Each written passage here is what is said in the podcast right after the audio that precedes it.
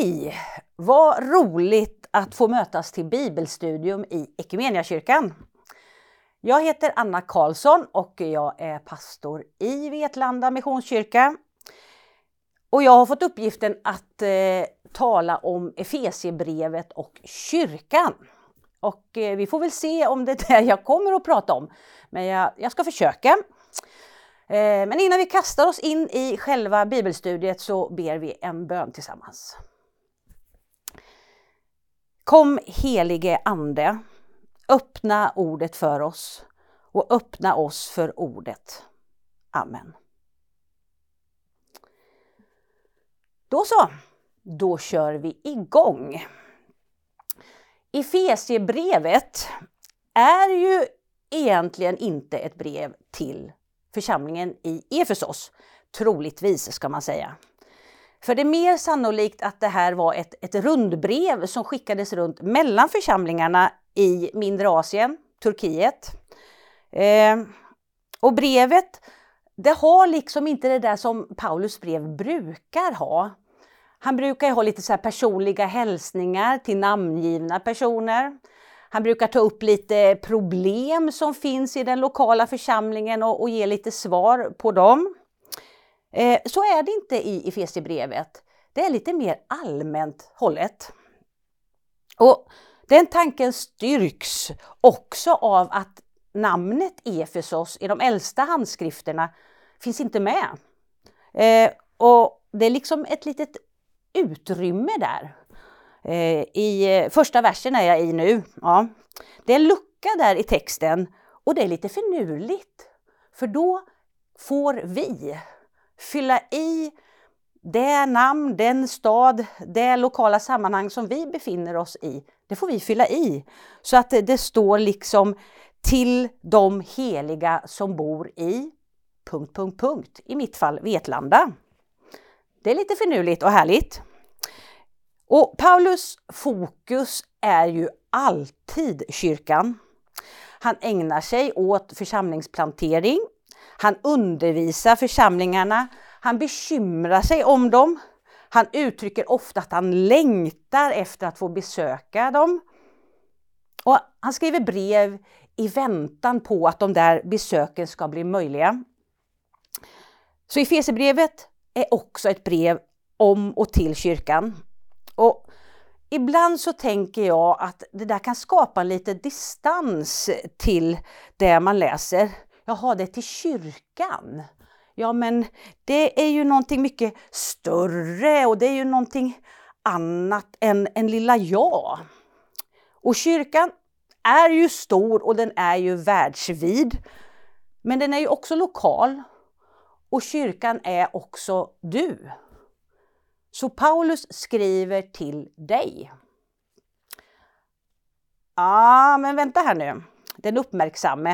Är det verkligen till mig, tänker den?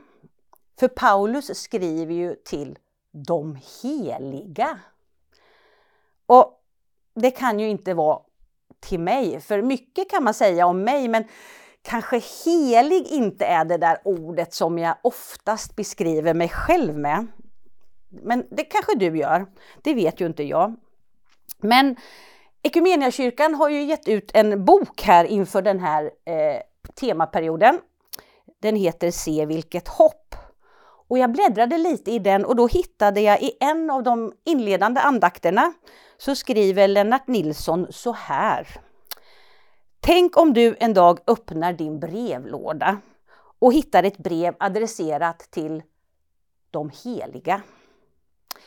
Vågar du öppna det eller lämnar du in det till Postnord med påskriften adressat okänd? Ja, så skriver han. Och så kan jag också tänka, det heliga, det kan väl ändå inte vara jag. Men vilka är det då som Paulus skriver till? Vilka är de där heliga? Ja, helig, det betyder ju avskild, och först och främst och före allting annat så är det ju Gud som är avskild. Han är helig. I Jesaja 6 och 3 så sjunger ju seraferna Helig, helig, helig är Herren Sebaot. Ett trefaldigt helig, det betyder att Gud är superhelig. Och sen är det så att det som tillhör Herren, det som är avskilt åt Gud, är också heligt. Och i Gamla Testamentet så kunde det vara en person, eller ett folk, eller ett hus, templet, eller kanske ett offer. Här i Nya Testamentet så blir vi heliggjorda. Eh, Heliggjorda, inte på grund av något som vi är, inte något som vi gör eller har gjort, utan bara på grund av det som Gud har gjort för oss i och genom Jesus Kristus. Och det där i och genom Kristus, det ska vi komma tillbaka till så småningom. Men det betyder att vi är heliggjorda genom det Jesus gjort. Vi är de där heliga som faktiskt Paulus skriver till. Det är inte till de där kanske särskilt fromma eller kristliga människorna utan det är till oss vanliga. Vi är heliga på grund av Jesus. Och Något som också kan vara lite tröstande tycker jag, det är att i Nya Testamentet så står det alltid de heliga, eller till de heliga. Det är aldrig en enskild person som beskrivs som helig. Ja, förutom den helige anden då. Och det kan ju leda oss till en ganska skön insikt att det är faktiskt tillsammans som vi är de heliga. Kyrkan som gemenskap är helig. Och i den gemenskapen så blir vi de heliga. Ja, men då är ju frågan då, vad vill Paulus säga till oss heliga? Till kyrkan? Och som vanligt när det är Paulus så har han mycket att säga. Eh, så allt kommer jag inte att kunna ta upp, men några saker ändå. Eh, det är med Paulus är det ju lite sådär ibland att det blir lite rörigt när man läser Paulus. Och det är inte så konstigt för här i Efesierbrevet så är det som om det liksom bara bubblar ur Paulus och liksom flödar ord. Eh, och det visar sig på olika sätt men framförallt kanske att han har jättelånga meningar. Eh, det är som man inte riktigt vill sätta punkt. För det finns alltid mer att säga. Och ett exempel är i första kapitlet i verserna 3 till 13. Det är en enda lång mening. Där det ena bygger på det andra och till sist så kommer man lite vilse i det som Paulus vill säga kanske. Ett annat ställe är i kapitel 6, vers 14 till 20. Också en lång mening. Och det finns flera. Men vad säger då Paulus? Det var ju det jag skulle svara. Vad är det som bubblar i Paulus? Ja, skulle man formulera det väldigt kort så skulle man bara kunna säga att, att han vill påminna om Guds stora gåva i Jesus Kristus. Och så vill han påminna om vilka vi är i Kristus. Det är det korta bibelstudiet, men nu lägger jag till lite då. Eh, i de första tre kapitlerna av Efesierbrevet så är det väldigt tydligt att, att orden i Kristus och genom Kristus är nyckelord, att de är viktiga. Det står i Kristus eller i honom står det sju gånger och genom Kristus eller genom honom så står det tio gånger. Till exempel i andra kapitlet, vers 10, så står det Vi är Guds verk skapade genom Kristus Jesus till att göra de goda gärningar som Gud från början har bestämt oss till.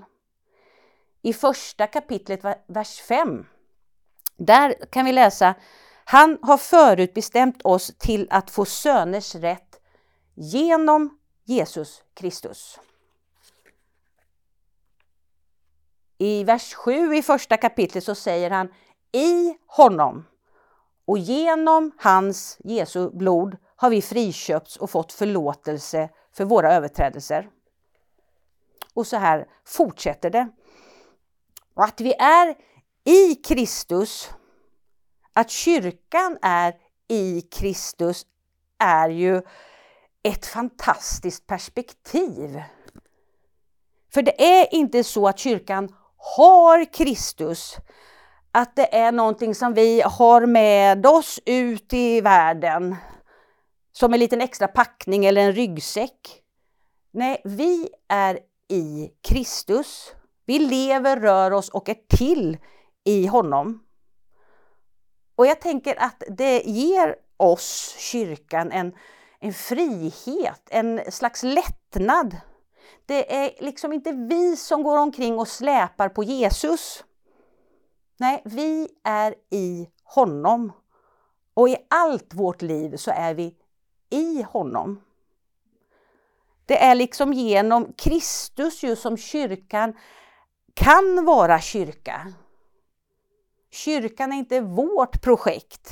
Det är Guds projekt genom Kristus. Genom allt det som Kristus har gjort för oss och allt som han gör för oss kan vi vara kyrka. Och känslan som förmedlas i Efesiebrevet, det som bubblar ur Paulus, det är ju att det är något oerhört stort och fantastiskt att få vara en del av kyrkan. Det är ett privilegium. För kyrkan den spelar en avgörande roll i Guds plan för världen.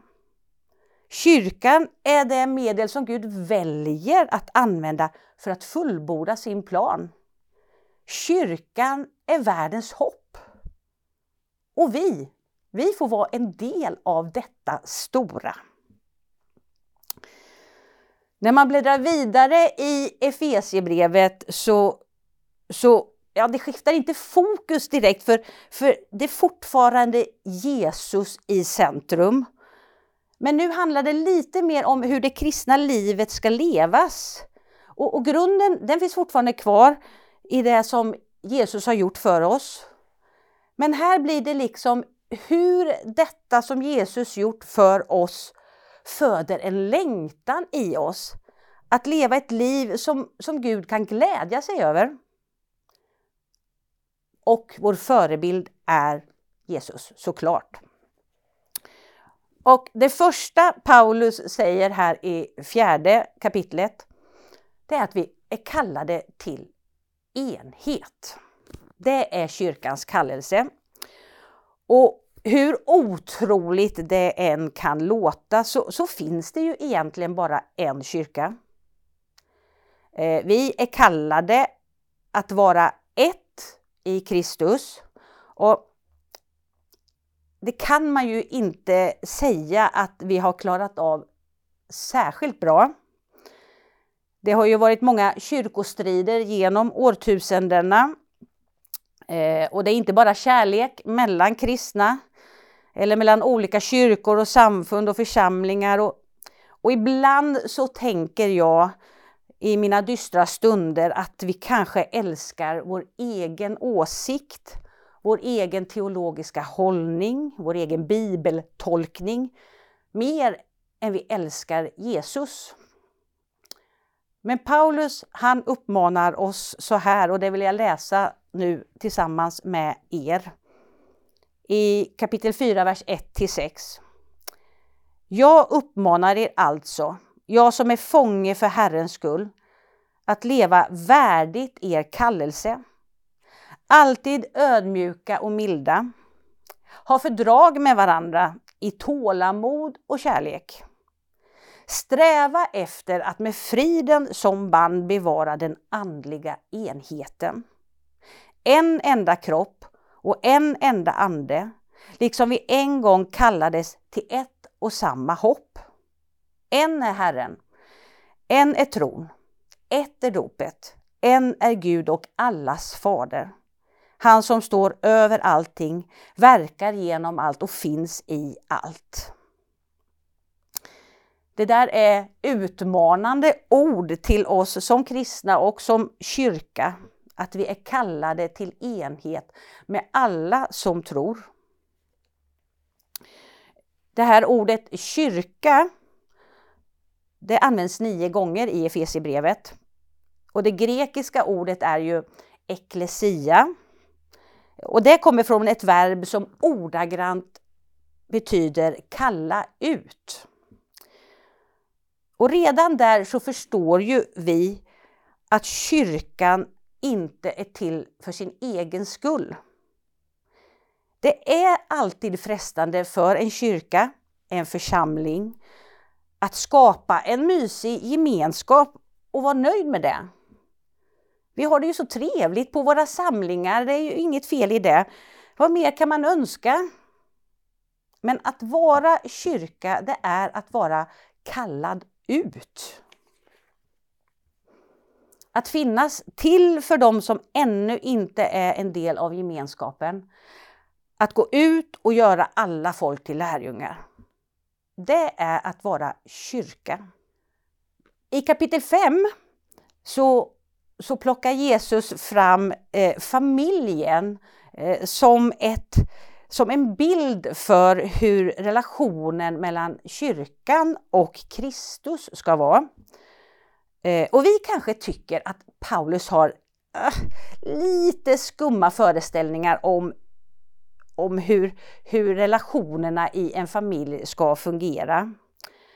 Eh, men jag tänker att han tar en då väldigt välkänd bild av hur en familj fungerade.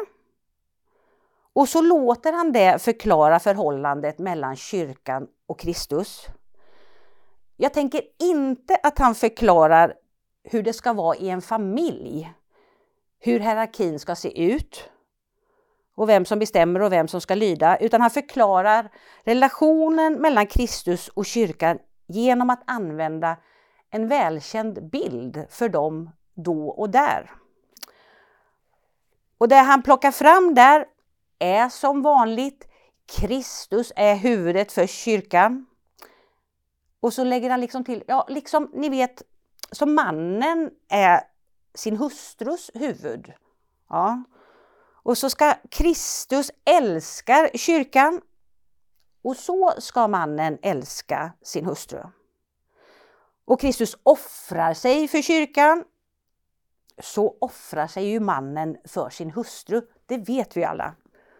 Och kyrkan underordnar sig Kristus Ja, ni vet ju som, som kvinnor underordnar sig sina män.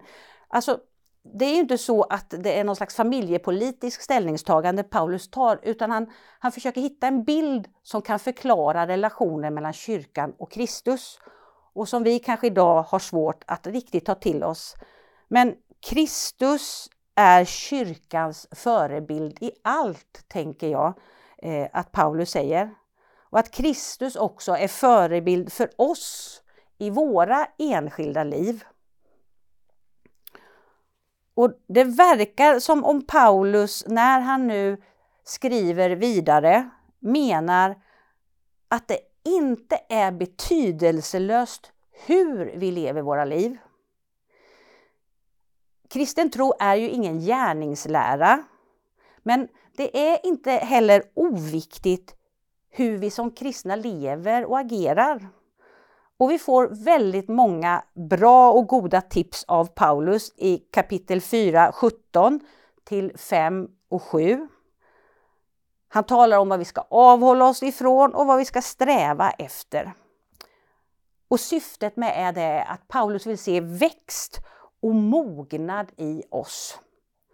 Han säger i kapitel 4, vers 14 och 15 vi ska inte längre vara barn och låta oss drivas omkring av alla lärovindar. Inte vara lekbollar för människorna som vill sprida villfarelse med sina bedrägliga påfund. Nej, låt oss i kärlek hålla fast vid sanningen och växa i alla avseenden så att vi förenas med honom som är huvudet, Kristus. Nu börjar jag närma mig slutet av det här studiet eller vad vi ska kalla det. Eh, och ibland så kan jag känna när jag läser Paulus att, att jag kan känna mig lite liten. Han kan vara sådär lite hård och krävande och Paulus är liksom så stor, större än allt känns det som ibland. Men, och jag tänker, hur ska jag klara av att vara och göra det som Paulus utmanar mig till? Men i Efesierbrevet så tänker jag att, att den där bördan lyfts av på något sätt. För han talar till, till kyrkan. Och det är ju vi tillsammans som jag sa i inledningen.